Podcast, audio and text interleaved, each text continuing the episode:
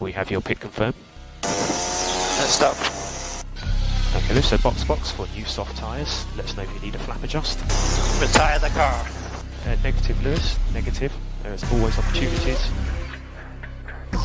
So watch Hulkenberg, he may play games, he won't want to tow you. Did I send it or did I not didn't send it? Mamma mia. Mamma mia. Yeah, what a what a mess. Sebastian is what the f- is he doing? I know it probably looks bad. But the car's quite okay. Well, I mean, if you want me to be ill, terminally, terminally ill, then um, let's see see it is. Pizza, pizza, pizza.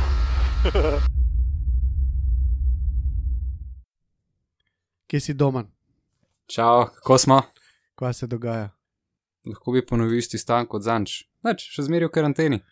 Je bela cesta, se bo počasi. Vsak dan je malo boljša. Pa ja, se mi zdi, da se počasi začne uh, rahlet, no, da se malo več lahko dovolimo, pa vreme ni slab. To dosta rešuje situacijo. To je vse res. Don z nama, Andro, Andro živijo. Pozdravljeni vsi, čau. Kako je v Italiji? Nič novega, isto kot zadnjič. Tudi jaz še vedno v karanteni. Svet stoji, praviš. Tako ja, ni, ni nič spodbudnih eh, novic, niti z italijanske strani. Ja, neč, dajmo upati, da bo čim prej konec vsega, pa da začnejo vsi normalno delati in da se življenje vrne v tirnice. Dajte mi sam povedati, kje dirkata prek uh, spl spleta. Pismo ta teden moram reči, oziroma od na zadnje, ko smo se slišali, sem bil pr, pr talenih, sem je bilo okol bajte, pa ostalih stvari tok za nares, da enostavno nisem imel časa nekaj veliko voziti. Jaz na polno dobivam ritem in sem se ugnal v ta ritem pozitivnih rezultatov in to gre kar Super. naprej. Čak, kaj sem jaz videl, da ti neki s temi profesionalci tudi že dirkaš počasne? Koga si imel zanči Josa, ne? Jos Verstappen je bil. Ma vsako toliko letim v kak server, eh, sem nekje dva tedna nazaj Jovinacija v lovu, eh, dva dni nazaj. Josa Verstappna, mislim, da je to bil Max z očetovim računom. In-. Grožana sem tudi ulovil enkrat v Imoli, tako da je zanimivo, gled, ko se uletiš z njimi, je hitro tako en, en quick check na, na njegovem času in kopija tega časa je večkrat nemogoča. Ja? Prehitri so. Pa misliš, da je kaj v setupu narejen na dirkalniku, tako znotraj igrice, da malo nastaviš tiste nastavitve, ali da je bolj na volanu, pa na teh rejkih, pa to, kar smo se takrat pogovarjali. Znači. Ma recimo cel ta uh, sistem, ko ga imajo, mogoče malo boljši feeling je to. Mogoče setup uh, bolj malo, ker dobivam tako tudi jaz zelo dobre setupe, uh, na Aha. plačilo seveda. A ja? Ampak ja, ja, so, je tudi ta biznis uh, tako začel s tem sim racingu, je predvsej teh uh, setupov na prodajo in največ je teh tutorialov lepo. V bistvu ti razložijo linije in kje se bremza, kateri razdalji in take stvari. In tiste čase je ne mogoče loviti, kaj od teh najboljših. So navoženi nekaj, ne? če, Aha. če ustrajam, mogoče se bom približal, ampak eh, recimo, da ne, dam en primer Imola, Formula 3, eh, zmanjka še eno sekundo, pa pol, to je samo na, na enem krogu. Eh, Na dirki ne upam dati eh, sekund razlike. Hudo. Ja, dobro, kaj, a, potem volan si zamenil, ali kaj, kaj si govoril? Ja, ja. Sem Tudi izboljšal, ja, izboljšal čase, takoj feeling. Tako da ena od prvih stvari priporočam je, da se, da se dober volant nabavi. Odlično. Doma ti pa nič, ali kaj? Jaz sem, imel ta teden bolj, bolj slab, no, kaj pravim, je bilo. Si delal. Um, rečemo, da sem, nisem iz mesta, sem bil iz vaškega okolja, tako da uh, niva druge zadeve, tako da zmeraj nekaj v glavnem. Vse mogoče je čas zdaj tudi za tole, um, ker so taki časi, ne, da se malo odklopimo od vsega. Um, danes smo rekli, da bi naštel vsak po tri svoje naj, pa, pa tiste, tiste tri dirkače, ki mislimo, da so bili najboljši v Formule 1, pa tri dirkalnike, ki so bili približen top, pa tri steze. A to drži. Tako ja. Andro, ti si vse zbral. Uh, sem imel težave, recimo, da če bi bilo top 5 uh, dirkalnikov in top 5 dirkačev, bi bilo idealno za me. Sem se potrudil in zbral 3, 3 in 3. Aha, ok, dobro, boš pa še v ne dve rezerve malo obrazložil. Kaj pa najprej steze? Demo najprej steze. Andro, ti si gost, ti začni. Evo. Jaz lahko začnem, uh, že ker sem na italijanski strani, bom jaz začel Ja. yeah. z Monzo. Seveda, Monza Ok. okay. je po moje ena top pist na svetu. Mhm. Sem jo tudi sam preizkusil s Kliotom, tako da poseben feeling, ne, ne glede na to, da je, ne vem, zgleda najbolj čakan uh, vikend v Formuli 1, prav Mhm. zaradi dolge ranine, ampak uh, mislim, da je tako atmosfera, vzdušje v tistem tednu je nekaj, kar tako italijanski tifozi in tifozi Ferrarija tako težko, kje drugje kaj takega doživiš. Um, ja, jaz bi se čist strinjal, ker jaz sem tudi Monco zbral. Bom jaz kar s tabo skupaj, uh, bom pa na koncu obrazložil, zakaj. Ampak Monca je tudi meni ena izmed treh top stes. Jaz sem bil dvakrat v Monci in to je enostavno za doživetno, tako bom rekel. No. Doman, ti si že bil v Monci? Ne, v Monci pa nažalost še nisem bil. Um, ampak tako je Andro rekel, no, to je pač totalna norišnica in tudi v bistvu to je tako velik park. Ne. Ja, temu Uh, pravijo Temple of Speed, ne? Ja. Uh, to je tako, da bi sred Tivolija tako desetkrat povečanega imeli tako stezo, tako, ali pa dvajsetkrat povečanega. No, tako. um, norišnica je. No. Jaz, jaz sem, kadarkoli grem, totalno uživam no, v tistem vikendu, uh, tako da definitivno top 3, tudi z moje strani. No. Um, jaz, jaz le malček mimo sekam, jaz moram že vnaprej upozoriti, da sem si izbral proge, ki jih ni več na koledarju Formule Okej. 1. Pa pa kar. Um, in sicer šel bi z verjetno tako najbolj znano in sicer z Nürburgring Nordschleife, Okay. enostavno norišanca, naj se sem že nekajkrat zdaj rekel, um, pa se nočem ponavljati, ampak to je pač ena najbolj norih prog z norimi doživeti, še zmeri, ki jih lahko tam živiš. Tako da to je zame ena najboljših prog in mi je žal, da formula več tam ne dirka, pa vemo zakaj. Ne?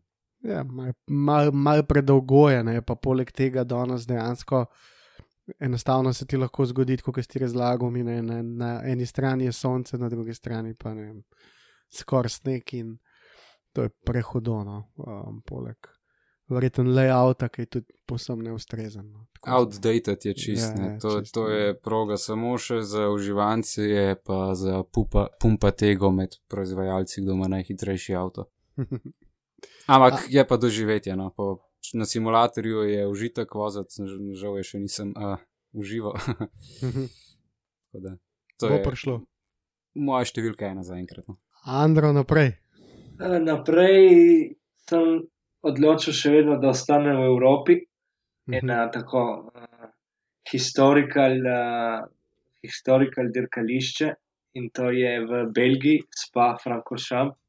Okay. Mislim, da je ena to, vem, glavnih dirkališč na svetu, eh, tako ki zajame malo več panog, ne, ne samo formulo. Eh, se Mhm. vozi tudi 24 ur eh, spaja, več dirk je in recimo tako. Eh, star layout še, zelo tehnična, eh, pista hkrati počasna, hitra, eh, zelo zanimive dirke, lahko je dež pred startom, suho med dirko in spet uh, suho na koncu. Tako da je ena, podobno kot Monza, ena takih dirk, ko jih suporterji komaj čakajo na koledarju. Ja, definitivno. No. Tudi to, da na koncu se ne odpele ta časni krok, uh, pove svoje, ker je pač enostavno steza predolga. In pa ja, jaz sem jo tudi uvrstil med top 3, sicer na tretje mesto. Ampak um, to so steze, kjer je res nekak dirkači stop ven. No. Um, ne gre samo levo, pa desno, gre tudi gor pa dol. Ja. Tega danes tok ni. In neka klasika je. In, uh, jaz še nisem bil v spaju, no, bi mogel jeti, upam, da bom šel enkrat letos, ne, zagotovo vreten, ampak uh, upam, da se najde ta priložnost. Ne, z, z Maxom na vrhu bo vedno teže, ker bo vedno več njego, njegovih navijačev in bo samo teh oranžnih majic na, na tribunah. Ja, spa, spa ima vedno tako, a ne. Um, sploh tam na Kemal Streetu imajo vedno vse oranžno, no, da tako rečem. No, tako da, uh, norišence. Domen? Um, jaz bi na, najprej v bistvu vprašal, Andor, da si ti pel kdaj spa v živo. Ne, eh, enkrat smo eh, imeli v planu en test eh, z Lemo, se spomnim, kot da bi bilo včeraj, in je zadnji trenutek eh, v bistvu šlo po vodi. In recimo, da je ena tak, takih treningov, ki bi si kdaj tako želel eh, narediti. Ne, škoda. škoda, škoda. Se še pride, se še pride, Androš. Življenje je še dolgo. Okay, jaz bi mogoče pa na moje drugo mesto bi dal Brands Hatch, to je proga v Angliji. Um, mogoče malo kontroverzno, glede na to, da je tam Silverstone pa to, ampak um, meni, je, meni so všeč te old school layouti. Se vem, da Silverstone je tudi, ampak so ga že spremenili od unga originalnega. Tako da jaz bi ostal tle pri Brands Hatchu, ki je tudi zelo, zelo razgibana proga. Um, sploh tisti prvi uvink dol noter v lukno, ki je še zelo mal off-camber, je tako res. Um, for the brave ones, bom rekel, um, pa tiste dolge ravnine, pa tisti hitri uvinki v desno, pa spet v lukno, pa slepo čez desno, da je skoraj 90, tako, taka zelo na full mal uh, kilometrov se marsikaj zgodi zdaj mi je šlo iz glave, ampak vem, da je tam tisto um, prehitevanje, ki je šel sena, pa še nekdo v 180 in sta šla noter, uh, je šel recimo, da meni se da sena drugi.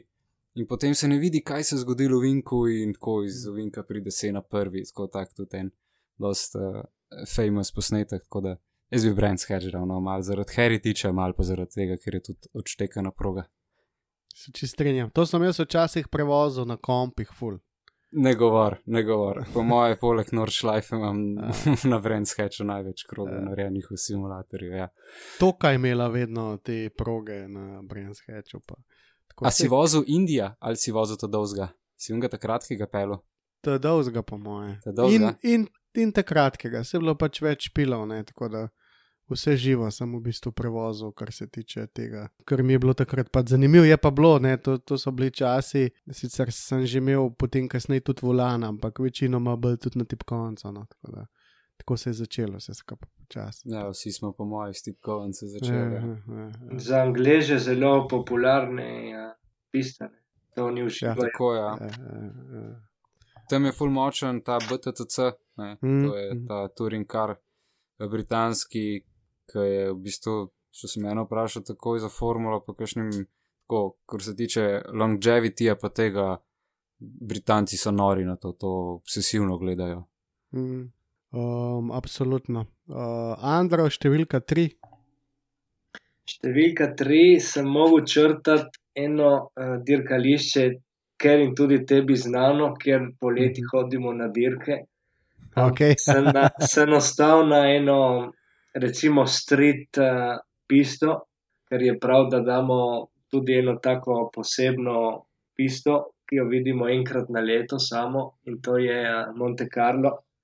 Ja. Monako Grand Prix je, mislim, tako na torti tisti del najbolj sladek in uh, ne vidim uh, sezone brez dirk v Monte Carlo. To je en mast, uh, kjer se v dežju, v suhem vidi, kdo je pravi voznik in kdo ni. Ne. Smo videli tako precej dirk uh, na limit in nesreč in karkoli eden lahko pove. In to je po moje top, en izmed teh top tri. Ja, to sem tudi jaz dal med top 3, ampak na drugo mesto. Um, pač to je tako kot Ferrari za Formulo skoraj. No. Uh, zadeva je od leta 55 v Formuli 1, praktično je bila že tudi pred vojno. Um, layout se v bistvu sploh nekaj dosti čez leta spremenil, to je v bistvu tisto, kar je najbolj zanimivo. Kulisa v Monaku je sploh brez veze, da govorim, no, ker je pač res tako, um, kot da si na drugem planetu in um, to je treba doživeti, no, definitivno. Um, tako da brez veze zgubljati besed, je pa zadeva popolnoma diametralno nasprotna Monci. Ne. Če Monco žgeš na polno, ne, Monako v bistvu rabiš drugo vrsto poguma, drugo vrsto tehničnega znanja in vsega. Tako da uh, dva ekstrema. No, tako. Izven vseh tako dirkališč je tako Monte Carlo eno od tistih, ki ali si hiter ali nisi, ali si pogumen ali nisi hkrati. Ja, ja, definitivno. In te najboljši vozniki so se na te stezi v bistvu. No, pa dobro, sej. najboljši vozniki so se na vseh stezah dokazali, ne? ampak eh, tukaj so res, tukaj eh, vidi se, no, pač enostavno se vidi. Um, Ja, te lahko mogoče s kakšno nižjo kategorijo v pravih pogojih Ja, sebe ja. pokažeš prej, kot bi na kakšnih dirkališčih drugih lahko ne. Tako. Kakšen dež te lahko marsi, te lahko kar precej reši. Ja. Pa tudi, kot je Andro rekel, pač enostavno, ko uh, dežuje, je- so razlike nenormalno velike. No. Pač to je res, lahko so tudi krogi v igri, sploh ne več sekunde. No. Da- Ja, Zadnje leta smo bili vedno smolo, jaz sem še ne trikrat v Monako, ne, moram preveriti, če ima veze. In vedno je bil sonce, ne, pa vedno sem si želel, pač bom tam gnil na tistem držu, sploh ni problem, sam da bi da videl. Ja, pa se ni zgodilo. No. Uh, enkrat je neki rusil, sam to je pa tudi to. no. Andro, ti si že bil v Monaku? Uh, sem bil z osebnim avtom, uh, tako da, Aha, okay. recimo, da krog ni bil tako hiter. Nisem se vozil tik ob, ob zidu, ampak Aha. ko, uh, tisti ovinek pri kazinoju sem naredil, uh, tunel, izhod tunela, uh, štartni, ta štartna ravnino sem tudi pešel. Recimo, Mhm. mhm. da, ko si tam na, na dve oči, vidiš, kako je cesta oska, kako lahko tu 300 km na uro in tudi več Ja, ja, ja. uh, drvijo. Ne, in se komaj osebno takrat zavedaš, kako je nevaren šport, kako hitro tečejo sekunde. In si ne predstavljam, kako je lahko ob vikendih Formula 1 tam. Ja, to Mora biti nekaj tako ekstremnega in lepega za gled. Biti res kar noro. Ja. Ja, jaz bi sam še to rekel, no, ko smo želeli v Monako. Večina misli, da, da je v bistvu drago priti v Monako, pa vse tako. In to je tudi res. Drago je to, da moraš imeti res dobro plačati, da si to provoščeš. Ampak so pač neke določene izjeme, kot vedno v življenju. In um, jaz sicer ne bi rad neke reklame delal, ampak imamo ten Tours v Sloveniji, neko agencijo, ki vozi dol. Jaz sem šel enkrat z njimi in meni je bilo top. Uh, v bistvu spiš v Italiji, čist na meji, pa se potem zategneš na, na, na tisto dirko. Zdaj, kaj se vidi, kaj se ne vidi, je že vprašanje, zato ker je en določen del ta general admission, ne se pravi, če za to pocen karto, ko prije ne vem 90 evrov. Um, dokler se ne popolni en kotiček, se vidi v bistvu fenomenalno na stezo in vidiš skoraj boljš, kot pa če kupuješ ne vem kakšne vstopence. No. Uh, je pa problem, da če potem to zamudiš, pa pa ne vidiš nič. Um, to pa je problem. Ampak vzdušje in uh, ne predstavljajo hitrosti, no pač tako res um, čuden je. No. res šopa mem na polno. No. Na takih mestih, ki bi težko verjel, da je to možen. Tako. tako da se da tudi za majhne pare, to sem hotel reči, prideti v Monako in speljati cel vikend z enim budžetom, ne vem, 300 evrov, 400 mogoče, če si še kaj kupaš, um, kar pa za Monako in pa tridnevni izlet, um, sploh ni tako drago. No. Kako te je pa ponavadi Red Bull prišel, no, ali pa Hungaroring, čistko, ko smo zdaj pri cenah. Ja, noč, ti si pa noč, ne, ti se pa kva, iz Ljubljana ven je to uro pa pol, aj, ajde, ajde dve, no. Dve uri vožnje, to je, ne vem, tok in tok nafte, zdaj če grejo štirje. Veš, koliko je, vstopnina je, tam itak se isto splača, zdaj general admission, ko imaš v bistvu tisto, tisti travnik tam velik. In vse vidiš, avstrici pripeljejo tri velike kamione s TV-jem, pokriti zelo dobro z uh, audijem, tudi, oziroma pač da govorijo. Ne, tako da celo dirko vidiš in TV, in pred tabo grejo dirkalniki tako 10 metrov stran. No. Um, tako da ti si res vrhunski doživljaj in kaj, 90 evrov je vstopenca. Benzin do tja, benzin za nazaj, pa kar si prvoščeš. tam. Aha, ni, ni nič razlike v, v vstopenci med Monakom in Hungaroringom. Je, ampak na tribuni. Aha, Uh, aha, na tribunah so dražje. General je pa ja, isto. Ta medtem, ko ta general admission, se pravi sam ta splošen dostop na, v dirkališče, brez vstopa na tribune, je posod enak. No, saj nisem A, še okay, zasledil. okay, okay. Tako da Avstrija imaš tam enih 120-130 evrov, pa plus hrana, pa če si kaj prvoščeš. Uh, Monako pa, ja, mislim, da ten tur smo nekje 200 evrov, pa neki, no. Um, brez vstopnice ali z vstopnico malo več, ne vem, pozabil sem, Ok. okay. ker je že toliko let od tega, ampak ja, tam je ne 300, 400. Sliši se evrov. precej fair deal, no. Ja, za Monako, a ne, pač imamo to srečo, da je blizu, tako da upam, da bom šel čim prej, no, zdaj letos so ga ukinili, ampak domen. A, še moja zadnja, Ja. ja. no zdaj pa bo ena, ki bo tudi verjetno Andro zelo vesel za njo. In uh, sicer za mojo tretjo bi izbral pa Imolo, mogoče tle malo vpliva to, da sem dejansko bil na progi. Um, pa moram pohvaliti, me je Aubel takrat vozil, tako da vsakemu čast tisto doživetje je bil karjak, šmal čez Kordolo, pa po dveh pa tako. S katerim avtom? Z TCR-om, je z? Leonom TCR. Aha, okay, okay. Tako da properno uh, Mhm. zadeva 330 kojno, se mi zdi, Andro, to boš ti povedal. Ja, ja, 330. Ja. Tako da tisto moram reči, da je bilo tako. Sem se pelil tudi po spaju, ampak ne vem, Imola mi je bila mal boljša. Pa zapeljati je full dobra, uh, Sena je tam umrl v Tamborelu, ne, 94. Tako da sem šel pa tudi tisto pogledat. Moj fotor je bil na tisti dirki, ki se je Sena bil mogoče vse to se pol sestavlja, da pač mi je Imola tudi nekje pri srcu. No. Mm. Dirkališče, dirkališče kakih 300 metrov od centra mesta. Ja, to, to, to bo tudi res ni verjetno. To je, kot da bi okoli Ljubljane ali pa tako del Ljubljane zagradil, pa malo mm. progo naredil čez Golovc, oziroma tam mogoče čez Tivoli, ja, v parku noter. Um, ja, zdaj ne vem, še šli se občasno, da ne bi to prišlo nazaj, pa pol spet ne, Andro, ti si bil domač. Je kakšna možnost? So se začeli angažirati, da bi pripeljali spet Imolo. Kljub temu, da ne vem, vsi ga poznajo kot eh, Grand Prix San Marina, ne, je to, Uh -huh. vemo vsi v Italiji, ne, ma, ni to problem, če je eh, italijansko, eh, pod italijanskimi barvami od pod San Marina. Vemo, da velik denar je vmes in Mm. kdo več plača, tisti pride noter v koledar. Ne. To je današnja formula Kruta resnica. Ja. koledarja. Ampak eh, so neke pridob, te pridobitve se strani eh, varnosti, so izboljšali. Tako da, ne vem, zgleda, da se nekaj premika, ampak eh, tem momentu, da bi kaj zasledil v letošnjem letu, ni. Pa v lanskem letu je bilo nekaj tako korakov do približevanja koledarju. Ja, mislim, da mora to grade ena licenco ne dobiti uh, najprej kot dirkališče, da sploh lahko. Ja, na tem so delali, zgleda, da so bili zelo blizu. In potem ne vem, če, je, če je problem tega virusa, tem, tem obdobju ali eh, problem denarja.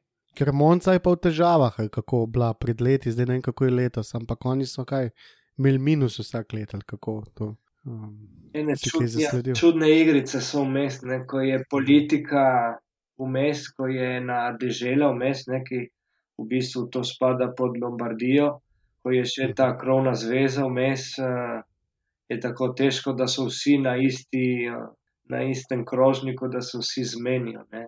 Vedno problem ta, tako, recimo, politična stran in uh, stran krovne zveze. ja. um, ja, ok, zdaj sem še tok na hiter. Katera steza vam je najbolj zavozati uh, prek kompov? Jaz, jaz navijam za Norč Life, še zmeri. ok, Andro. Jaz bo rekel spa Franko Šamp.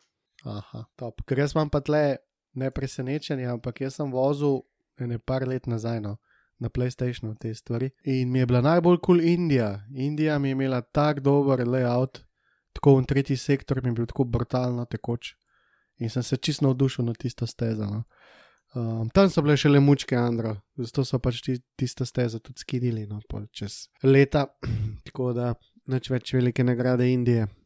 A to je bilo tisto za Lonsom, pa Briatorem, mučke.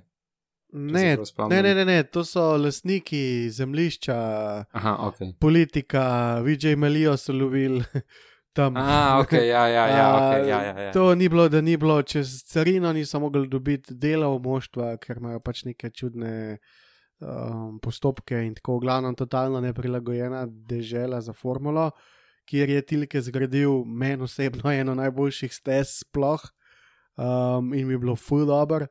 Ampak nažalost se je po enih treh sezonah ti skončal, ker enostavno ni, ker potem tista zemljišča, ker so to gradili, niso več eh, lastniki pustili. Žalostna zgodba, stezo so naredili tako kot za Korejo, a ne ista zadeva, dve, tri sezone, pa čau. Ne, če je bilo sred uh, močverjati izpostavljen. Tako, da, tako, kot, tako kot je Andro rekel, tiska več plača, tam, tam se bo dirkal. No. Ok, a gremo zdaj na avtomobile. Komod? Da, Gospod Andro. Pa Andro, ti, ki si gost, kar začni, da vidimo prvo mesto, kjer ti je bil najljubši avto, najljubši dirkalnik. Eh, Na prvo mesto jaz bom dal tako, eh, ni ekskluzivno, ni nič novega, ampak bo rekel zadnji dirkalnik Schumacherja, s katerim je zmagal eh, svetovno prvenstvo. To se pravi Ferrari F2004, recimo otroška, otroški spomini, ko sem v bistvu v mladih letih gledal televizijo, videl vedno ta rdeč avto, rdeč avto, ki je zmagoval, ne, in se spomnim letih 2000, potem 2001, ok, 2002 naprej in recimo tako mi je ostal v spominu ta 2004 sezona, mogoče ena najboljših sezon Ferrarija in Schumacherja, ker po podatkih tako je zmagal precej dirk, vnaprej zmagal prvenstvo pred šestimi, sedmimi dirkami. Mislim, da je bil takrat fenomenalna sezona skupaj z Barikelom in uh, super eh, sezona, super dirkalnik, super moštvo in to je za me tako po spominih najljubši avto. Ja, definitivno legendaren, se čist strinjam. Um, ne bi sploh kaj dost uh, dodal.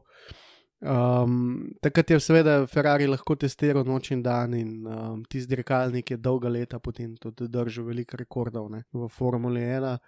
Uh, bili so brutalno hitri. Spomnim se Jarno Trulija, ki je takrat pač rekel, da je počasi vse skupaj že tako, da uvinki prihajajo prehitro in da bo počasi že voznik omejitev, ne, ne, dirkal, eh, mislim, ne sam dirkalnik. Tako da legendarna zadeva no, v, v, v mojih očeh. Uh, Domen, kaj si najdel za prvo mesto? Um, jaz bi izbral uh, Lotusa 97, to je tja iz eh, 85 leta. Okay. Um, Daka, mehna mašinca, samo ena pet Uh -huh. uh, v šest, ampak eh, avto je imel dobre pol tone, pa 900 konjev, um, verjetno v kvali trimu še kaj več, kar se itak ne govori, je pa to uh, avto od Ayrtona Sene, Uh -huh. Um, tako da jaz bi mogoče tega dal na prvo mesto, no, zaradi neke kultnosti, pa ker je bil res dead machine. Ok, um, sej, v bistvu nimam kaj za dodati, tudi meni so lotusi všeč. Eden lotus imam tudi jaz med tremi, ampak ne tega. Jaz sem dal na prvo mesto McLaren MP4 skozi 4. Um, pač kaj češ reči, meni je to pač ta legendaren avto, no? tako nekak simbol Formule 1, rdeče, bel, Malboro, pač prost, sena, 15 zmag od 16. Um, tako da uh, v sezoni, no, um, tako da definitivno noter isto turbo 1.5, V6, eh, Gordon Murray je zadnji eh, kot dizajner. Uh, preveč enostaven avto je dosegel v bistvu take genialne, v bistvu avto je genijalen, no, tako, tako klin je um, in tako brutalno hiter in pa seveda Hondin motor. No, tako da um, to bi bilo recimo, to bi jaz dal na številko ena. Andro, številka dve. Številka dve s- m, ima tako eno posebno zgodbico vmes. Jaz sem ene tri leta nazaj, uh, skupaj s punco, uh, smo šli prav proti Bologni. Uh, smo Mhm. uh -huh. takrat isti vikend tudi uh, Imolo šli pogledat, ki je bil en prijatelj, ki je vozil. In smo uh -huh. v bistvu pred obiskom dirkališča smo sestavili okolici uh, Bologne, pred Bologno tam je uh, ta fabrika od Lamborghinija, Sant'Agata Bolognese. In je Mhm. prav v tistem obdobju bila uh, razstava uh, dirkalnikov Sene. Aha. Od začetka, od prvega karta do zadnjega avta. In ko sem jaz prvič videl ta uh, dirkalnik Williams F2V16 iz leta 94, sem jaz bil tam enih, recimo, 10 minut in gledal ta avto. Po eni strani, ker je bil to zadnji avto Sene, vsa ta zgodba, nesreča in vse, kar je on v karieri zmagal. In recimo tako po eni strani, žal smrti enega vrhunskega pilota in tako. Sem rekel, da je lepo dodati ta avto v top tri in tako recimo, ker sem tudi sam pilot in recimo, da se tako kot v majhnih mladih letih, tako se imaš vzornika. tako se mi je zdelo lepo, da bi dal Senin zadnji dirkalnik. Domen, kaj si ti izbral? jaz bi tule izbral Williamsa F W petindvajset. Okej. To je, dirkalnik iz leta dva tisoč tri, mislim, saj tule se je razvijalo pa so bile samo majhne podrobnosti, je petindvajset, šestindvajset, sedemindvajset. izbral sem ga pa zaradi, dveh zadev, in sicer, to ima beemvejevo V deset mašino noter, ki moram reči, da je tudi v cestnih avtih ena mojih najljubših mašin. Zdaj najbolj orgazmičnih zvokov kadarkoli narejenih. Tudi ta avto se mi zdi, da je imel nekaj časa rekord, ali pa naslednik tega avta, v Monci za najhitrejši krog, povprečna hitrost, ne. lansko leto ga je vzel Kimi, se mi zdi, ali predlansko. Ta avto sta pa vozila Ralf Schumacher pa Juan Pablo Montoya. Je imel pa tudi okoli, šeststo kil pa devetsto konjev recimo, da kar strup. Ja, takrat je bilo, mislim, da šeststo dva kilograma po pravilniku. tiste pol dolga leta so ostale tiste šeststo dva, šeststo pet kilogramov, no. sam dirkalnik je imel bistveno manj, okoli štiristo. stalo je bil pa balast. ampak ja, jaz se spomnim tistega dirkalnika, Andro, ti si tam v grupo not nalimal, ko Alonso kaže sredinca. Ja, mislim, da je bil prav Monako, ne. Ja, je bil Monako pa Ralf Schumacher v dva tisoč štiri, bi jaz rekel, je bilo tisto. Se pravi v šestindvajsetki, zdaj mi je prešinilo. to so bili ta boljši časi, ja, Alonso, Schumacher, pa potem BMW se je takrat zelo trudil, no, to je treba reči. da bi kaj ratalo iz formule ena, pa žal ni Se ni šlo po šlo. njihovih načrtih, ja. So pa naredili super mašino za avto, jaz jim tule ploskam, BMW Mpet E devetintrideset, ne, E šestdeset, se opravičujem. Pojdite na internet, napišite to, pa boste videli, zakaj je zvok pomemben. Ti pa moj brat bi šla skupaj super. on je tudi zelo velik fan tega. ja, jaz sem dal na drugo mesto Lotusa oseminsedemdeset, to je Colin Chapman, in pa Ground Effect.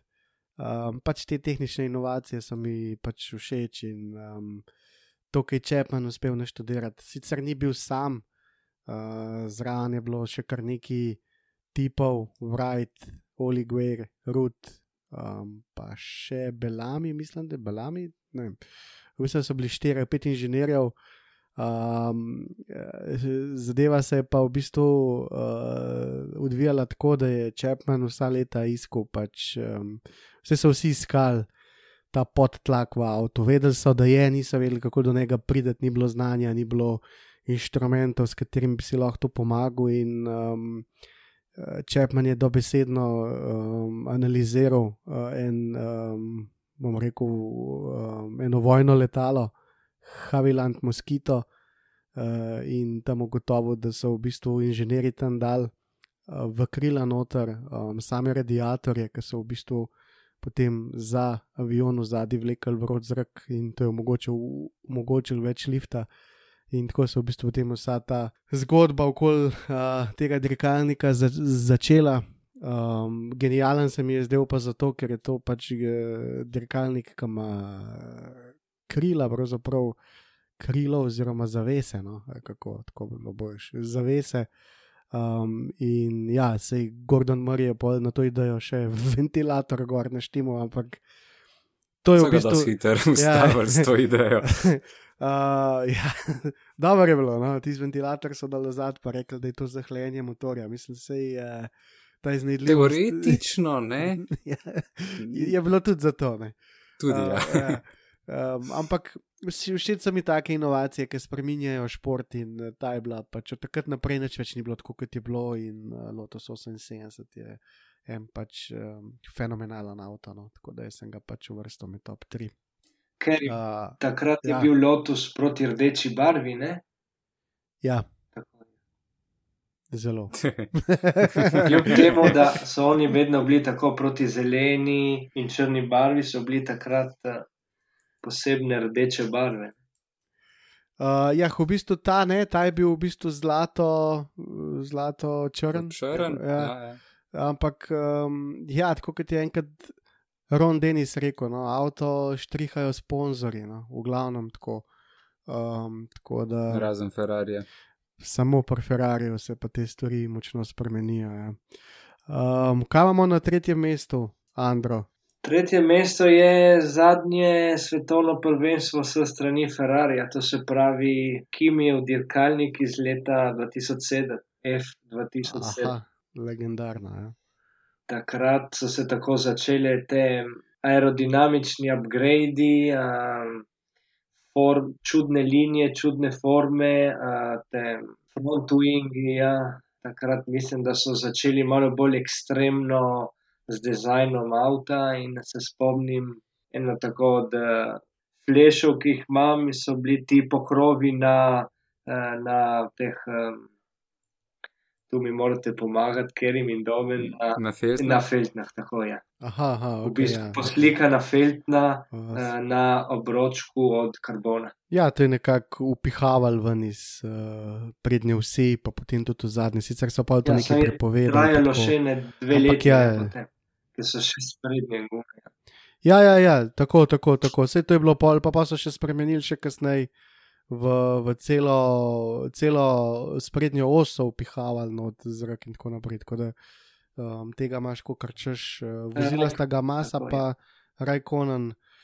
Uh, jaz se spomnim, kako je imel Kimi Rajkonen takrat težavno, tiste prve, prve dirke, um, potem je pa v bistvu pred Francijo s Krisom Darjem, ki je bil njegov uh, dirkalen inženir, naštudiral traction control. Takrat sem imel še traction control uh, v tistem avtu, not. takrat je lauda zelo joko na glas. To ni ta prav dirka. bi lahko tisti dirkalnik, ja, da bi lahko topice vozile in tako naprej.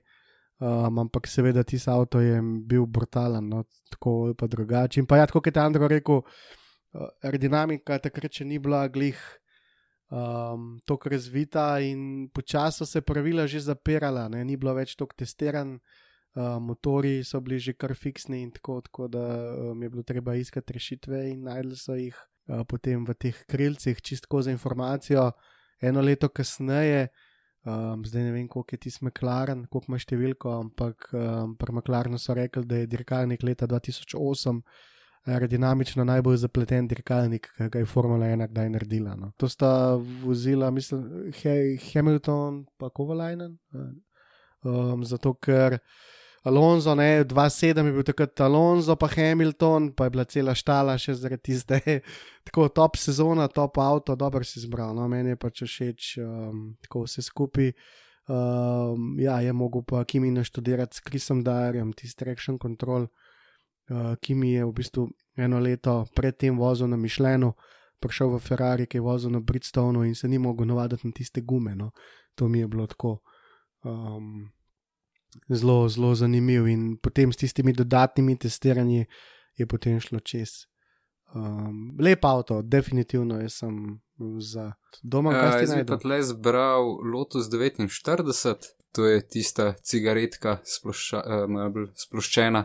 To je pa že kar staro. To ne, je v to bistvu letnik 67, ampak včasih ne so avti mal del zdržali.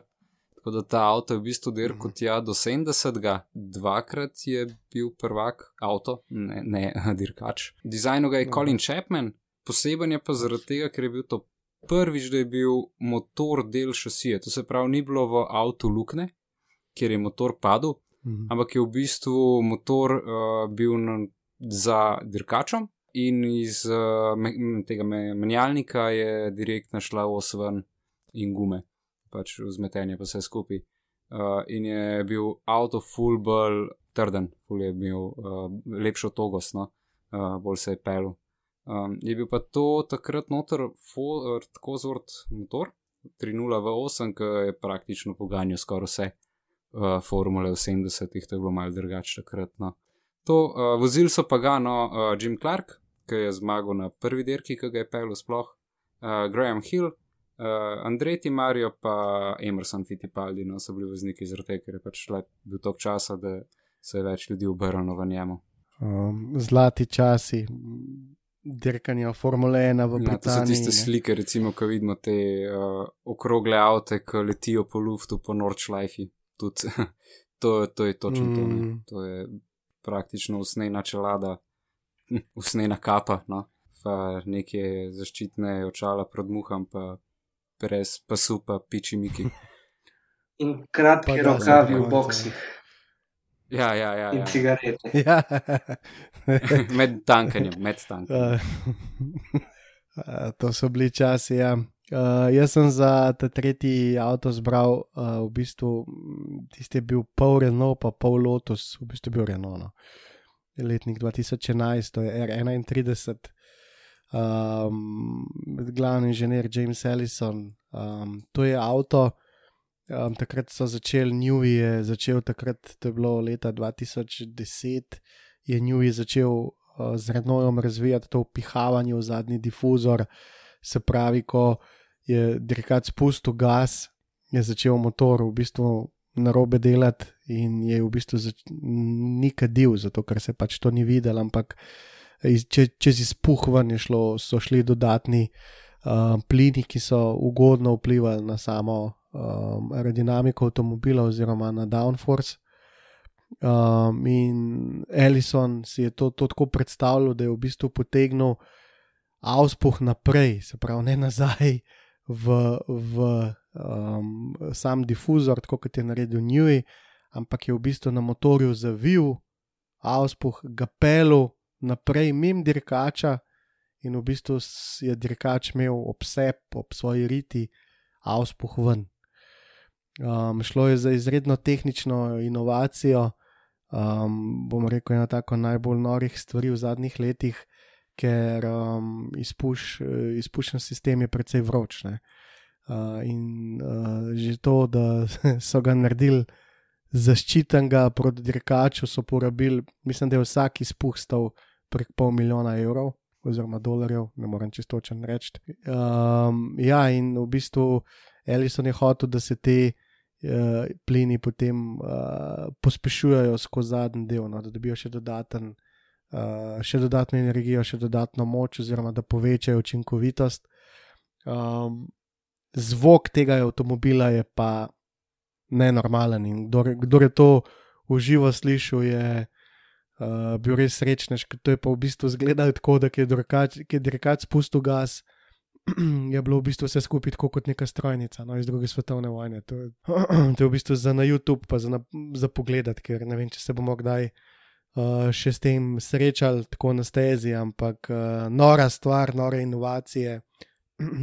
James Ellison v najboljših časih s svojimi študenti in um, nore ideje. No, tako da pač dirkalnik mi je bil zato, mi je, mi je ostal v spominu, ker ima za moj okus naj, najlepši zvok v zgodovini Formule 1. No, ok, pol tem pridemo pa še do vroče gostilniške debate, kdo je najboljši dirkač v zgodovini Formule 1. Andro, užgi. Za me osebno Šumaker, ni dvoma o tem, čeprav tako nekaj dni nazaj je Eddie Irvine rekel, da je najboljši voznik Alain Prost.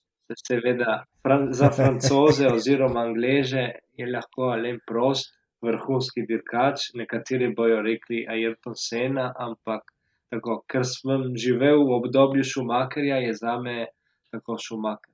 Um, jaz sem tudi Šumaharja uvrstil, sicer ne na prvo mesto, ampak na drugo. Predvsem zato, ker je statistično še vedno najbolj uspešen dirkač v zgodovini Formule 1.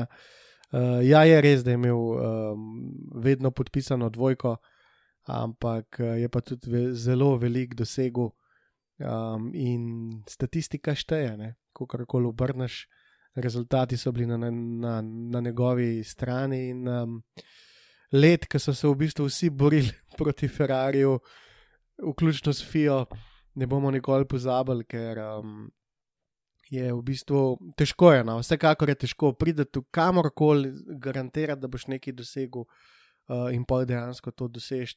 On je imel krasno ekipo, uh, Todd Brown, um, imeli so v bistvu neomejene resurse, ampak uh, so vse dostavili in um, praktično so se zato tudi trudili, um, ker to ni prišlo čez, čez noč. Um, sploh zdaj, ko F1 vrti uh, na F1 TV, ki se vrtijo vse dirke za nazaj, uh, se lahko vidi, koliko je Šumahr trpel, 98, 99 in tako naprej, in koliko enega dela je bilo v zadju. Oziroma... On je bil praktično skozi v Fiorano, ne? on je skozi testiral, kar se je dal, on po Ja, vsaki ja, ja, dirki ja, je šel v ja. Fiorano, dirka, dirka, dirka, testira, testira, testira. Tako in tudi gnov je pač inženirja do, do skrajnosti in tudi uh, bil njihov velik. Pač bil je team player veliki, ne. Uh, respekt pač in um, hočeš, nočeš, ali ga ne maraš, maraš. Jaz ga nikoli nisem imel zelo rad, no. uh, ampak pač tako je in uh, absolutno mu, jaz, jaz, jaz ga dajem na drugo mesto. No. Um, Domen. Jaz bi dal na prvo mesto človeka, ki je, pa ne bom rekel, da spodnesel šumi, ampak rečemo, da je presekal mal zadev in to je Fernando Alonso. Definitivno človek, ki bi veliko več dosegel, če bi znal mal bolj se kontrolirati, verjetno. Um, zaprl se je marsikera vrata, ampak vemo, da je pač to tudi bil nek čudežni deček, ki je prišel v formulo. Je človek, ki ne bo samo v formuli dosegel stvari, ampak ali je to. Dakar ali to Indij ali to Vec. Fernando je eden redkih dirkačev, ki lahko rečeš, da ga daš v karkoli, pa bo odpeljal. Plus, da Alonso res ogromen, ogromen, ogromen dela na mladih dirkačih, ima svojo šolo, svoj karting progo. Bi ga mogoče iz tega srčnega vidika dal kot ne najboljšega, ampak mogoče kot največjega dirkača. Zelo popoln dirkač. To je, ja, to. Ja. Pa škoda, ker je mečkam preveč političen. No. On je prišel v Formula 1 čez šolo Flavija Briatorja. Že tam so bile cele mučke, jaz sem tudi, pač tudi pisal nekaj o tem. Uh, da je on sploh prišel v Formula 1, Briatorje je mutil na polno. Ja, pa vmes je že Batna podpisal, pa pol ga ni, pa ne vem, kaj vse počel takrat. V glavnem, mislim, da je ta Briatore Alonso mogoče malo zastrupil s, tem, s to politiko. No ker uh, Alonso je potem pol čez leta postal nekako odvisen od tega. In, um, Pa res je imel malo nesreče z izbiro ekip, no. Zmer je prstopil v nepravem času. ja, zdaj tako, ne, dva, dva, on ni tako zelo slabo, kot bi se, kot deluje na prvi pogled. Uh, 2-7, tisti dirkalnik je bil absolutno za naslov svetovnega prvaka, pa je pol prišla tista afera Ja, ven, ki so v bistvu Ferrarijem, kradli ja. podatke, Stepnigate od Ferrarija. Uh, 2010, zadnja dirka, uh, ni mogel prehiteti Petrova. Če bi ga takrat pre, pre, prehitil, bi bil praktično svetovni prvak. 2012, zadnja dirka, takrat je aj Bruno Sena takrat nabal uh, Fetla, da se je obrnil in v bistvu večino dirke je v bistvu Alonso bil celo prvak, pa pa na koncu uh, v bistvu Fetlovemu dirkalniku nič ni bilo. No. In je se nekako zmuzlo do tistih točk, ki jih je rabo, pa je spet šlo par pik. Alonso praktično, če bi imel 15 pik več, bi bil trikraten svetovni prvak, še dodatno trikraten svetovni prvak, se pravi petkraten. In uh, bil je kar dosti blizu, uh, zadnja leta s Hondo pa ja. Bel, um, Jaz ga čisto verjamem, če si to še noznik, pa ti dajo skozi nek brezvezen avto, ki crkuje, pač ti dvigne živc, žal. Ne, m- če si rojen prvak, se ne moreš na 15. mestu skozi voziti. Ja, gre tudi za pritiske. No, Lih danes sem bral zjutraj uh, Michaela Jordana, to sicer nima nobene veze zdaj s tem, kar mi tukaj govorimo. Ampak Michael Jordan zdaj bo prišel ven um, na Netflixu, en dokumentarna serija, deset delov bo Last Dance, ne, od Chicago Bullsih pa v Jordanu. Ne.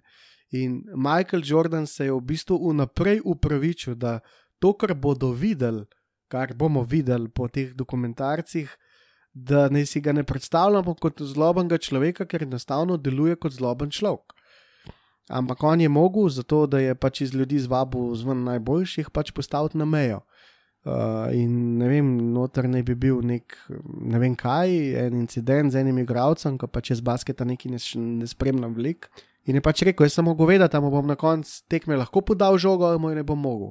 Uh, in se mi zdi, da Alonso je dosti podoben deloval v, v, v Formuli 1, ampak um, Formula 1 je zelo kompleksna. Ne? Tako da videli smo, celo Ron Dennis je izgubil službo v McLarenu. Um, tako da. Um, Tako je. Ja. Definitivno nimam kaj reči, kar se tiče mene, je Alonso top, top, top voznik in škoda, da ga ni. No. Eh, Bi ga bilo fajn gledati uh, tudi danes. Uh. Andro, številka dve. Spet enega Ferrarista in to je Kimi Raikkonen.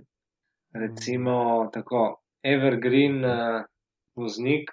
Uh, če bo tako še malo ustrajal, bo prehitev Barikela za največ uh, štartov.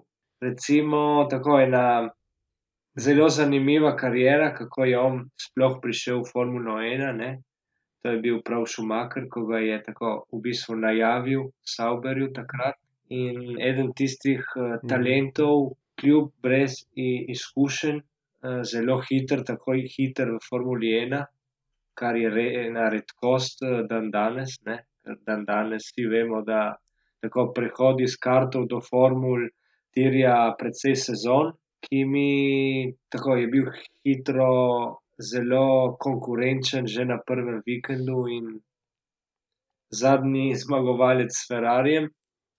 Recimo, tako kot navijač mi je ostal pri srcu in tako mi je bilo tudi škoda, da so ga tako skoraj na krut način odpustili iz uh, škuderije Ferrari, ampak tako, uh, recimo, da leta uh, in izkušenost tako je bila dana v drugi, tako na eno drugo, najnižji nivo in so potem tako pripeljavi Leclerca, ne kot vsi vemo, ampak po mojem je tako top, med top vozniki ne morem ne uvrstiti Rekonena. Uh, Andrej, da nekaj povej. Um, leta 2007 je prišel Raikkonen v Ferrari. Mihael Schumacher je pa šel v bistvu iz Ferrarija in ostal kot nek svetovalec. Pa nekako smo vsi vedeli, da Schumacher je imel še vedno, ok, izgubil je dva naslova proti Alonzu, zadnje dva, ne, 2-5, 2-6. Ampak nič hudega, sej vemo, kdo je bil. Ampak meni se vsem zdi, da je Schumacher šel zelo nasilovan iz Ferrarija. Se ti zdi, da se je bal Rajkonena, ali se je bal tega, da v Ferrariju ni več številke ena ali dve? Ali enostavno Tisto, kar misliš, se spomnim, je v tistih letih Rajkonen uh, prihajal na vrh uh, vseh dirk, ne, zelo hiter z meklarnom in recimo, ne vem, težko je se spomniti, uh, kaj vsega se je dogajalo takrat, ampak uh, po mojem je bila ta psihičen poraz, uh, ko štiri leta zmaguješ, oziroma pet, ne, pet Mhm. let zapored, da je takrat Mhm. uh, Alonso njega je takrat dve leti zapored zmagal in po mojem je bilo to en, po eni strani več psihični poraz, ne, s strani Šumakarja. Tako biti navajen zmagati z lahkoto toliko let in da se potem dve leti zapored uh, en uspeš biti uh, number one voznik, ne, je tako en poraz. Ne. Po drugi strani so takrat, se spomnim, tudi uvedli nova, nove dirkalnike, tako da je bilo več teh faktorjev mestne. Ampak jaz mislim, da je Šumaker takrat vedel, da tako je malo v zatonu in da je Rajkonen tako prva izbira po njem in zgleda, da je bila to ta prava odločitev ne, za naslednje leto, potem za naprej, ne več toliko, ampak tako za, za hitro nadomestitev je bil Rajkonen mogoče najboljša izbira. In sigurno je pri tem največ pomagal Šumacher. Ja, zato ker v bistvu, ne, zdaj, če se vrnemo na un testa, ne, uh, ki je bil. Uh, bil je v Mudželu, pravilo je Zauber, Petr Zauber je v bistvu iskal te mlade voz, voznike, propalali so jih najmenih pet. In ki mi je naredil največji preskok od vseh voznikov iz enega dneva na drug dan. Se pravi, ko dirkač prvič pride v Formula 1, itak ne more sploh preklopiti, ok, danes je drugače, ker so simulatorji, ampak enostavno so zaverne točke tako pozne, pospeški taki in tako drugačen.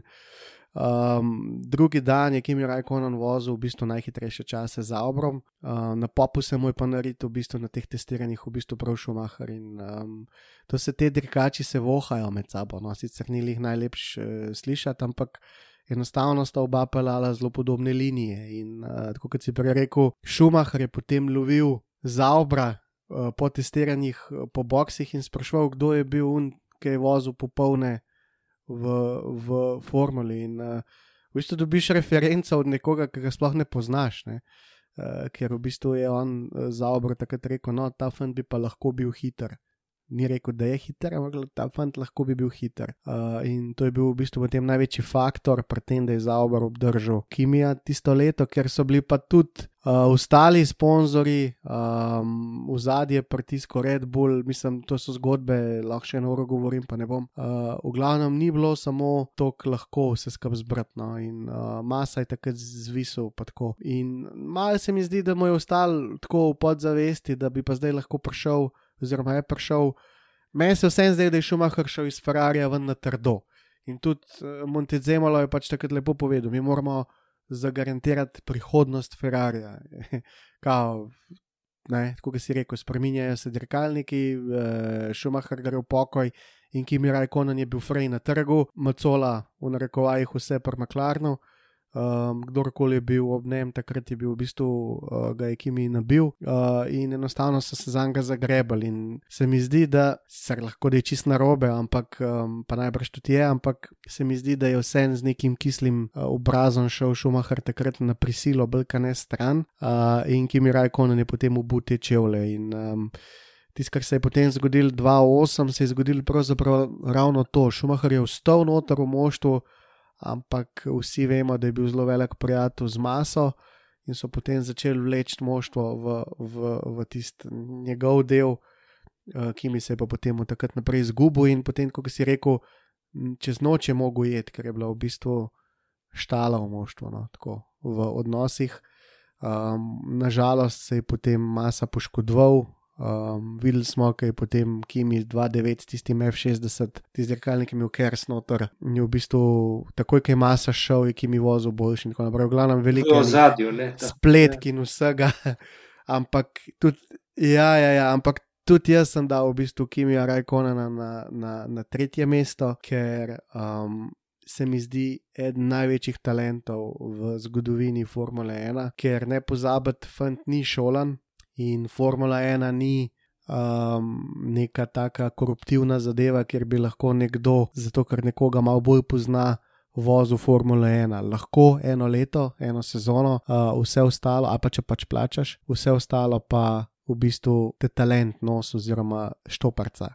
In Kimi je v bistvu, če gledamo vso njegovo pot, zamenil tok različnih dirkaških stilov, preživel tok različnih uh, sprememb, uh, šel vmes v Rejli in tako naprej. In Kim je eden red, redkih dirkačev v tem času danes, ko v bistvu ni upravil neke šole dirkanja. On je dirkaško praktično neizobražen in v bistvu go talent. Ne, glemo, vidimo, koliko truda je dal, noter deluje, da mu dol visi za cel svet. Prvo dirko je praktično zaspal. Videli smo, kako ne sodeluje z inženirji, oziroma kako slabš deluje. Imel je obseb, ne vem, same dobre voznike. In tudi ta veličina, kako mu zdaj na stara leta, ni težko voziti eh, kot drugi v moštvu. To mi je bilo tako wow. In kot si rekel, Andro, on je pol šel kar v Alfa, brez da bi, mislim, v Zauber, brez da bi komu kaj povedal. Ne. Pri Ferrariu so se ga hoteli znebiti, ok, to je zdaj to, kar je bilo, je bilo. Um, moramo pospešiti, lekler je prišel. Uh, in ki je, še, je šel in se je zmenil z uh, Alfa, in sploh noben ni vedel pri Ferrariu. Mislim, to je tako. On hoče voziti. Uh, in to je res tako, ta, to je res ta, ta prav, to je res ta, ta prav dirkač. Dobro, pa, takrat pa Ralf je um, on dost hitro zraven prišel zaradi tega veze z Auberjem, ne? ker je tudi začel par Zauberju. Pa bolj se mi zdi, da zaradi PR-a, ker Kim ima danes toliko uh, navijačev, uh, to so to, kar enih kap prodaja. Tam le greš na dirko, pa, tam le greš na dirko, pa v bistvu vidiš, da tri četrt ljudi vozi nos kimi. Uh, in um, to je definitivno, no, se tudi za obrme da oči sproste roke. Da, um, ja, ki mi reče, uh, jaz sem bil njegov največji fan včasih, zdaj zadnja leta mi ni več tako blizu, ampak uh, je pa eden največjih talentov, ki kdaj vozi Formula 1, zagotovo. Ja, jaz sem dal tudi Kimija na drugo mesto, no, tako da tle, tle se očitno vsi strijo, strinjamo. Nekaj mora biti, ne. Andrej, kaj Lahko spomnimo tudi poslušalce, ne, ko si že omenil to, da si največji fan, da imaš tudi en uh, tatu zelo podoben Kimiju, ne na roki, da še en dokaz. Ja, ampak to sam za. Ja, ja, ampak to sam zato, ker mi je bil pač kul cool tatu in tako res mi je bil kul. Cool. In uh, pa sem še enkrat bral en intervju s Kimijem in se ga vprašal, kaj to pomeni in kaj mislite, kaj to pomeni, kar ima on na rok. A je to tisti, a ne, ne, ne, ker vem, da imajo, Finci imajo neki izraz za. A ja, si su, ja, ne, ne, ne, ne, to, to, ni to, nič, ne, to ni nič. Nič ne pomeni. Ta tribal eh, vzorec, ki ima, ne pomeni popolnoma nič. In to se mi je zdelo res dobro, ker te tudi ne sme nekaj pomeniti, ker se lahko stvari v življenju spreminjajo. Ne? In eh, tudi vse, ker pač rastemo z dneva v dan. Uh, in uh, poti včasih lahko žal, če daš kaj napačnega na svoj telo. In uh, tukaj mi je bil res tako kul, cool. prvič dobro zgleda, pa drugič, uh, ja, ok, se je verjetno tudi to, da ima to on.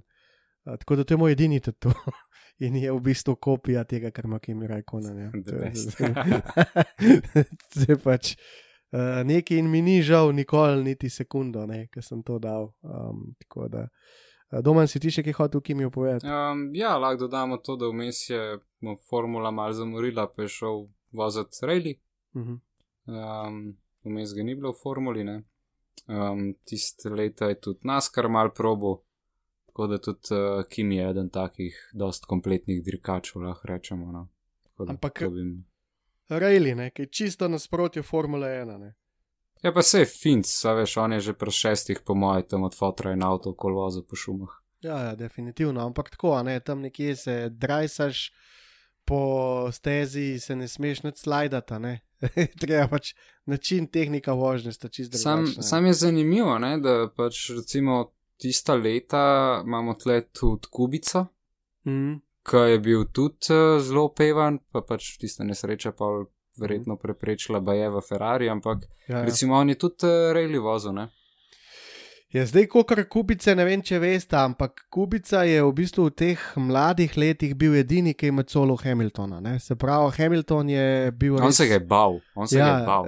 Hamilton se je bal ku, kubice, s tem, da Hamilton je prišel ven iz šole Ak, Akija Hince, se pravi, je bil nek neprogramiran voznik, ampak takrat so začeli res znanstveno pristopati do teh voznikov. Pravi, Ja, Oden je prvi tak produkt, ne, v Ja, bistvu, ta- te ta mlade generacije. Čista prvo, ja. In v bistvu Kubica ni imel pa nič od tega, ampak se ga je na Gokardih v bistvu bal. In tudi, ko sem poslušal podcast Kubico, je Kubica razlagal, da v bistvu moj fotor skozi govoril, ne tiš Gokarda do konca, ker nimamo rezervnih delov. Pač, ok, unijo od Meklarna imajo, mi nimamo. In Kubica, ki je vozil kvalifikacije, si ni mogel pomagati in je pretegnil iz Gokard, kot je šlo in skuril en del in pa je bilo vse narobe. Ampak um, to hočem reči, no, Kubica je bil eden največjih talentov v tistem obdobju uh, in res uh, velika smola no, za, za, za njim in za vse skupaj, pač ok, preživo je. Uh, ampak ja. Ampak pač je pa skupna točka, s kim je on glih ta rejli mogoče. Ja, definitivno. Ja.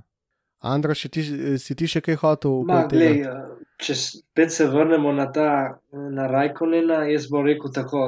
Če mene vprašaš ali kogarkoli vprašaš, ne od voznikov, fenov, eh, v, kot voznik, ne, če uživaš v dirkanju, mo, mogoče bil Kim edini, ki bo odgovoril, on uživam v tem. Ne. Kljub Ja. temu, da, ja, On je sam zato kljub tukaj. temu, da ne. je pressing. Ja. On prenaša sponzorje glih samo zaradi uživanja v dirkanju. Vsi drugi so pod pressingom, ne, Giovinazzi z njim. Mm. Vetel, Leclerc, kdorkoli, ne. Ampak uh, mogoče edini pozitivni odgovor boš prav dobil od Kimija. Ne. Um, da mi povej, ti si z Džovinacijem zdaj le dirko ne, na virtualni uh, formuli. Kako si bil z- za njim, oziroma ob Uh, njemu, pred njim? jaz mislim, tako sem bil eno dirko celo hitrejši od Giovinazija, ampak sem Hudo. potem zvedel, da je on v tistem obdobju komaj začel ne, uh, s tem iRacingom. Tako da ta Aha, ni pravi ok. benchmark. Ne. Uh, recimo, da se je potem Aha. toliko navozil tega vsak večer in je zdaj postal trd oreh. ne. Tako da Samo tako imam screenshot še uh, na telefončku sliko, ko sem bil na enih kvalifikacijah za ene pol sekunde pred njim. Da bomo to napopali, bomo dali Mateju, da napopa tam na novico, ki pa pač res hudo. Uh, odlično. Uh, ok, uh, še največji, najboljši in ne vem, ta tretji dirkač, ki ga ima ta um, Andro. Kako bi ga ti na, te, na tretje mesto ga boš ti uvrstil? Mm, tako, recimo, mogoče bi mogel biti na kakšni višji uh, lestvici, ampak po mojem, tako vsena. Ayrton Sena, recimo, en tak voznik, uh, predober za njegovo obdobje. Uh, začel je tako en poseben, eno posebno rutino treningov, uh, poseben odnos z inženirji, in recimo, da je bil za takratne čase, za konc let 80, začetek letih 90, uh, tako bil zelo napreden voznik za tiste čase. Tako eden redkih uh, primerov, ko je zmagoval vse v kartih, zmagoval vse v uh, manjših nivojih formule in potem. Tako recimo iz sezone v sezono pokazal vedno večji feeling, vedno večjo hitrost, s slabimi dirkalniki, in potem recimo maksimum v teh letih Williamsa, McLarna in, in tudi Lotusa. Čeprav nisem doživel tisto obdobje, ga vseeno uvrščam v top tri uh, dirkače za me. Top, ne, v bistvu so dala v bistvu med prve tri iste dirkače, samo da so jih dala malo drugače. Uh, jaz bi dal vseeno na prvo mesto.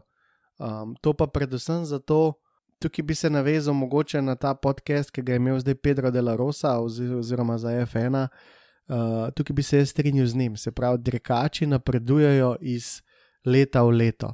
In danes so po tehnični ravni uh, večina dirkačev boljših kot je Sena kdajkoli bil, ker je ne mogoče, da uh, ne bi bili, ker imajo pač več orodij, več znanja, z njimi se dela že od majhnega na znanstven način in tako naprej. Tako da te absolutne, uh, bom rekel, hitrosti tako ne bomo moramo nikoli vedeti, koliko bi bil kdo hiter in tako naprej. Ampak eh, za me je Sena redefiniral voznika Formule 1. Je bil obdobje pred Seno, pa je bil obdobje po Seni. Po Seni je prišel Schumacher uh, in uh, za njim je prišel Alonso in tako naprej, in zdaj Hamilton in tako naprej. Skratka, uh, do sene smo videli tisto, kar sta prej rekla, oziroma Andrej, mislim, da ti ne, cigarete, alkohol in tako naprej. Uh, Ker je prišel sena v Formule 1, si fasu 2-3 sekunde zaostanka, če si se prej zabaval. To pa zato, ker je pač enostavno redefiniral dirkača. Dirkač je profesionalc, dirkač je tisti, ki tvega življenje in dirkač je tisti, ki bo poiskal vsako stotinko na stezi. In, uh, Zato ga tudi večina uvršča na prvo mesto, ker enostavno je redefiniral šport, tako kot Jordan v košarki. Um, vem, tako kot so taki fanti, ki pridejo v šport in spremenijo tok samega športa. In uh, Sena je pač fotor vsem tem dirkačem, danes, no, da se tako reče. Tako, tako, tako. On je bil tisti, ki je v bistvu profesionaliziral dirkača. Schumacher je potem povzel vse njegove navade in šel še korak naprej, si že meril krim pred dirko in tako naprej. Uh, potem so prišli še zdravniki in tako naprej, ki so razvijali dirkače in nosimo Hamiltona in tako naprej. Mislim pač, a ne tisti obdobje pred seno, pa obdobje po seni. Uh, in zato ga uvrščam pač na prvo mesto. No, in, uh, pač mi je bil legenda, sicer pa dosti neumnih napak na stezah, tako da popoln tudi on ni bil. In, um, ja, seveda, vsak ima svoje mnenje. Domen? Ja, jaz sem imel precej težav z izbiro zadnjega, moram priznati. Okay. In sem se odločil, da bom, če sem že vsaj proge zbral, ker nobena ni več, bom pa vsaj dirkače, ki so še vsi med nami. Aha, ok. Tako da sem si izbral Daniela Ricarda, Ricciarda. Ne vem, tip mi je faca. Kaj ni drugega rečem? Ful je korekten, zelo je good guy njegovi late breakingi so legendarni, um, zmeri pove to, kar si misel. Upam, da se ni na robe odločil z Renojem in da bo imel kakšen naslov prvaka, res bi mu prvoščil. Sem ga pa res izbral sam zaradi uh, tega, ker je pač joker v Formuli 1, poleg kakšnega Norisa, ampak ok, rečemo, da te fanti imajo malo premalo izkušenj, da bi bil lahko v tem izboru noter.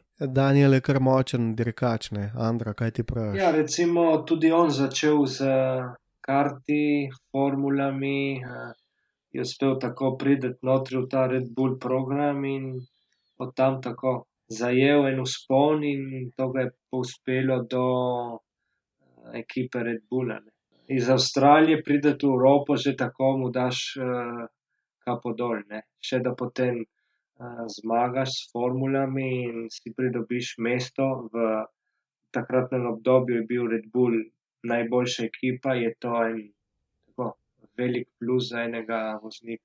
Uh, ja, v bistvu se verjetno še oba spomnite, kako je 2014 Macolo Fetla, ne? ki je bil takrat v bistvu štirikratni svetovni prvak. In, uh, v bistvu takrat si je res naredil imeno.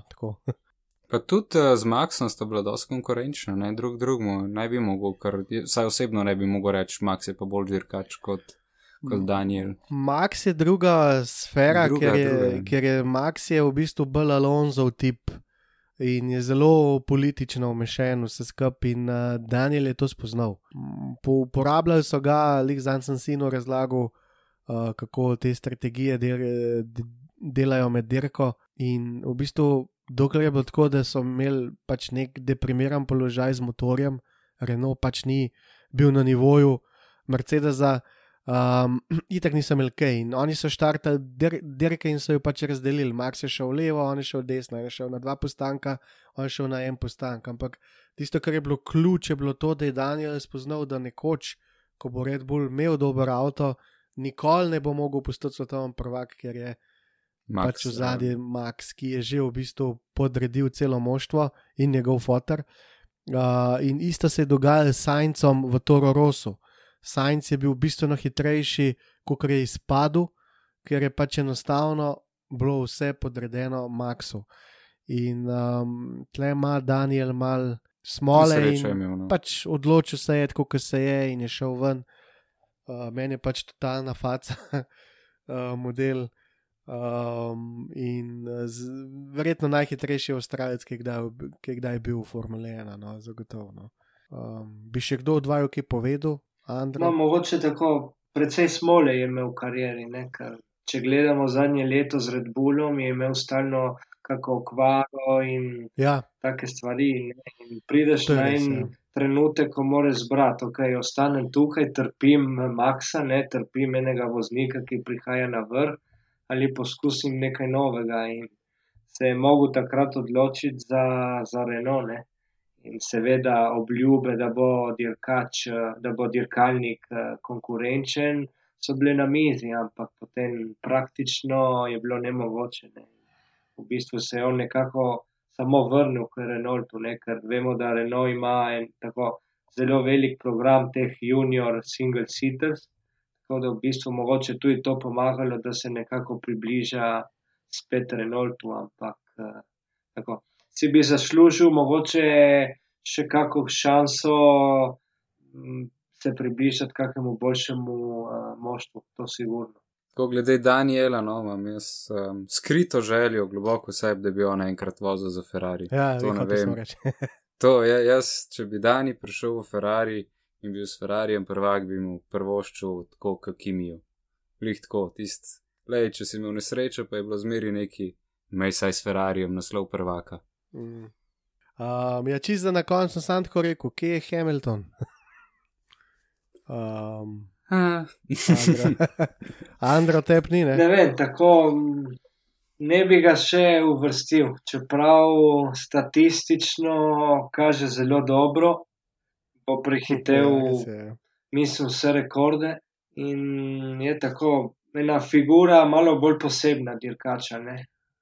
Zmaguje, zmaguje pod dežjem, na suhem, eh, je zmagoval z Meklarnom, zmaguje zdaj z Mercedesom in ima že tudi leta taka, recimo, da je na vrhu kariere. Ma, ne vem, jaz eh, iskreno povedano, tako zelo dober, hiter voznik, ampak eh, nekaj feelinga tako mi primankuje do njega. Se Domen, moram poistovetiti. To Isto. čist boljš ne bi mogel povedati. Ja. kje je prost? Smo vsi raje izbrali. Ja, mogoče, ker smo tako, recimo, obdobje po seni, ne, malo težko uvrstiti Mm. uh, take voznike v take. Uh, ja, mogoče mi dva z Androtom nismo začutila točno tega. Ne? Mhm. Ti, si, ti si še ujel te čase, pa to. Um, jaz, kar imam spominov, je to, kar mi je fotor govoril o tem. Pa, Mhm. pač dokumentarci, ok, ampak malo drugače. Tako da žal. Um, ok, zdaj pa imam jaz na koncu še to pripravljen, ker sem ti lih o tem pisal. No?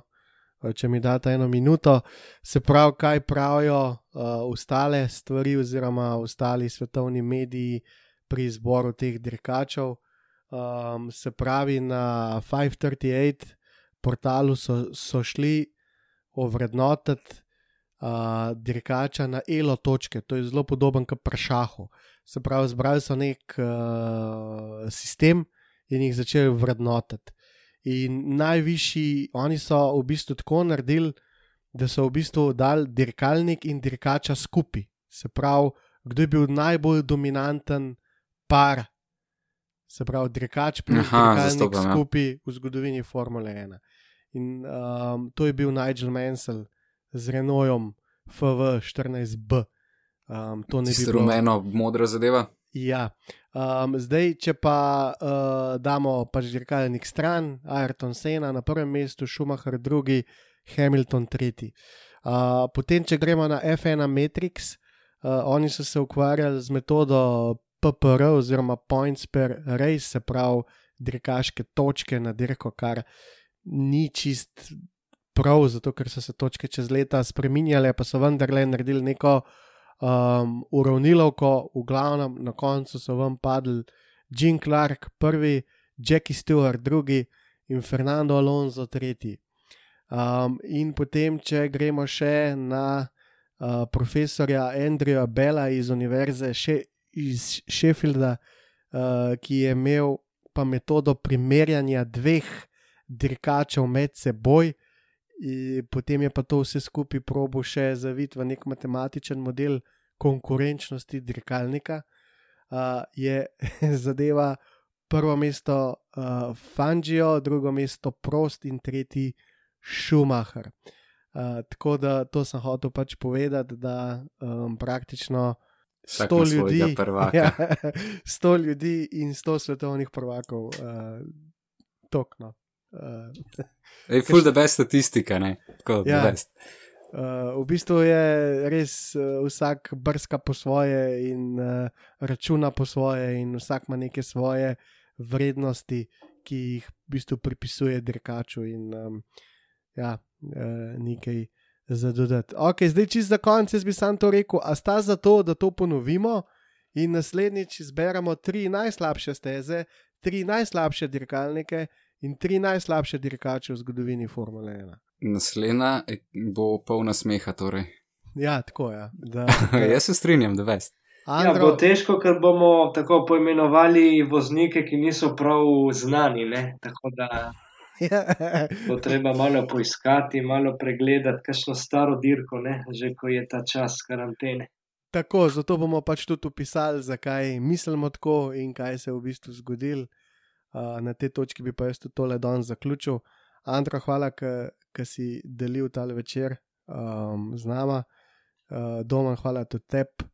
Uh, z moje strani je to vse in se slišmo čez, um, ja, upam, da že en teden.